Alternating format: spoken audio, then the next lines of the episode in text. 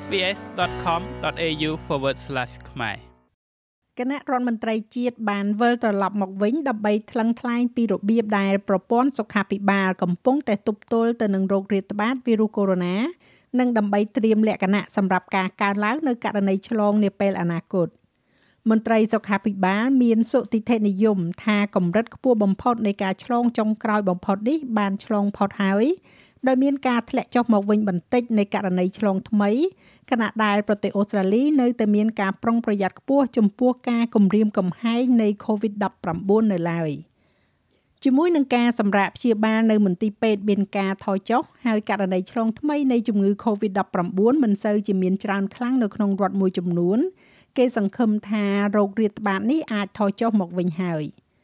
ថ្មីបើមានសុតិធិនិយមបែបនេះក៏ដោយក៏រដ្ឋាភិបាលសហព័ន្ធនៅតែមានការប្រុងប្រយ័ត្នដោយបើកកិច្ចពិភាក្សានៅគណៈរដ្ឋមន្ត្រីជាតិអំពី COVID-19 លោកនាយករដ្ឋមន្ត្រី Anthony Albanese មានប្រសាសន៍ថាវាមានសារៈសំខាន់សម្រាប់ប្រជាជនអូស្ត្រាលី នៅក្នុងការតម្រង់ជួរទៅចាក់វ៉ាក់សាំងដូសជំរុញរបស់ពួកគេ នៅពេលដែលពួកគេមានសិទ្ធិអាចទៅចាក់បាន។ and uh, we shouldn't be complacent about ហើយយើងមិនគួរធ្វេសប្រហែសអំពីបញ្ហានេះនោះទេទោះបីជាវាលេចចេញមកដែលធ្វើឲ្យយើងសង្ឃឹមថាយើងបានឈានដល់កម្រិតកំពូលហើយក្តីហើយចំនួនសម្រាប់ព្យាបាលក្នុងមន្ទីរពេទ្យបានធ្លាក់ចុះប៉ុន្តែយើងមិនគួរធ្វេសប្រហែសអំពីបញ្ហានេះទេរដ្ឋមន្ត្រីក្រសួងសុខាភិបាលសហព័ន្ធលោក Mark Butler មានប្រសាសន៍ថា វាលឿនពេកនៅក្នុងការដែលដឹងថាតើការឆ្លងជំងឺ Covid-19 ថ្មីថ្មីនេះបានឈានដល់កម្រិតកំពូលឬក៏យ៉ាងណានោះលោកបានសម្ដៅទៅលើឥទ្ធិពលនៃថ្ងៃឈប់សម្រាកពេលវ៉ាកងរបស់សិស្សសាលា ដែលជួយជះឥទ្ធិពលយ៉ាងសកម្មដល់ការឆ្លងនិងការកាត់បន្ថយចំនួនសម្រាប់ព្យាបាលនៅក្នុងមន្ទីរពេទ្យ The, the data we're seeing right now indicates that we ទិន្នន័យដែលយើងកំពុងឃើញនៅពេលនេះបង្ហាញថាយើងប្រហែលជាឈានដល់កម្រិតកំពូល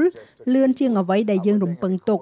លឿនជាង model ភាគច្រើនដែលបានស្នើឡើងយើងកំពុងមានការប្រុងប្រយ័ត្នបន្តិចអំពីរឿងនេះ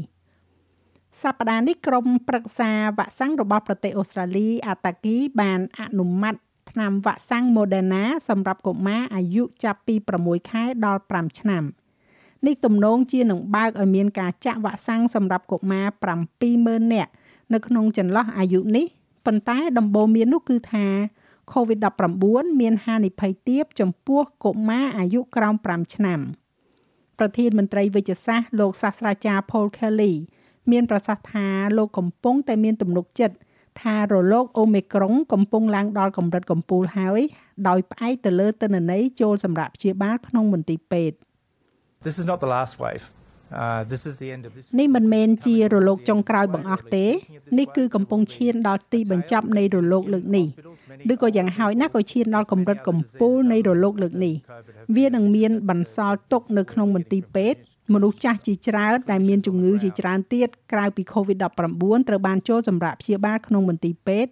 នោះហើយជាអ្វីដែលយើងទទួលបានពីគ្រូពេទ្យនៅប្រចាំការ។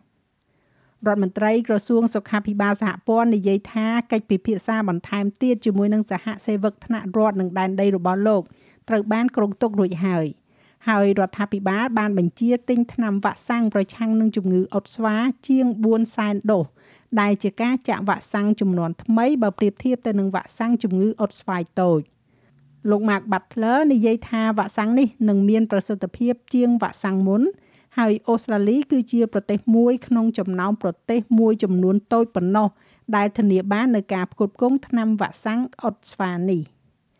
ចាស់ហើយរបាយការណ៍នេះចងក្រងឡើងដោយ Stephanie Cosetti សម្រាប់ SBS News និងប្រាយសម្រួលសម្រាប់ការផ្សាយរបស់ SBS ខ្មែរដោយនាងខ្ញុំហៃសុផារ៉ានីចូលចិត្តអ្វីដែលអ្នកស្ដាប់នេះទេ Subscribe SBS ខ្មែរនៅលើ Podcast Player ដែលលោកអ្នកចូលចិត្ត